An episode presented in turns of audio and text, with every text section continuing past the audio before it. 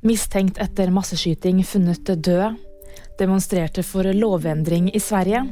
Og storfilm spilt inn til over 20 milliarder. Den mistenkte etter masseskytingen i Los Angeles er funnet død i en varebil. Det bekrefter det lokale politiet. Det var lørdag kveld lokal tid at en 72 år gammel mann skjøt rundt seg i et festlokale i forstaden Monterey Park. Ti personer ble drept og ytterligere ti ble skadet.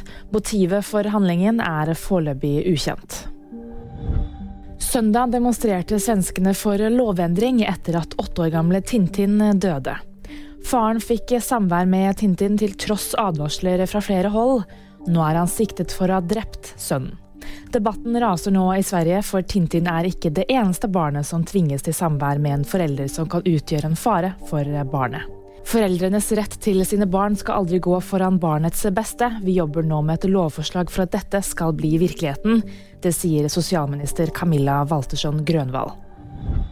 Den nye Avatar-filmen har spilt inn nær 20 milliarder norske kroner. Storfilmen ligger nå som nummer seks på listen over tidenes mest innbringende filmer. VG-nyheter fikk du av meg, Anna Julie Bergesen.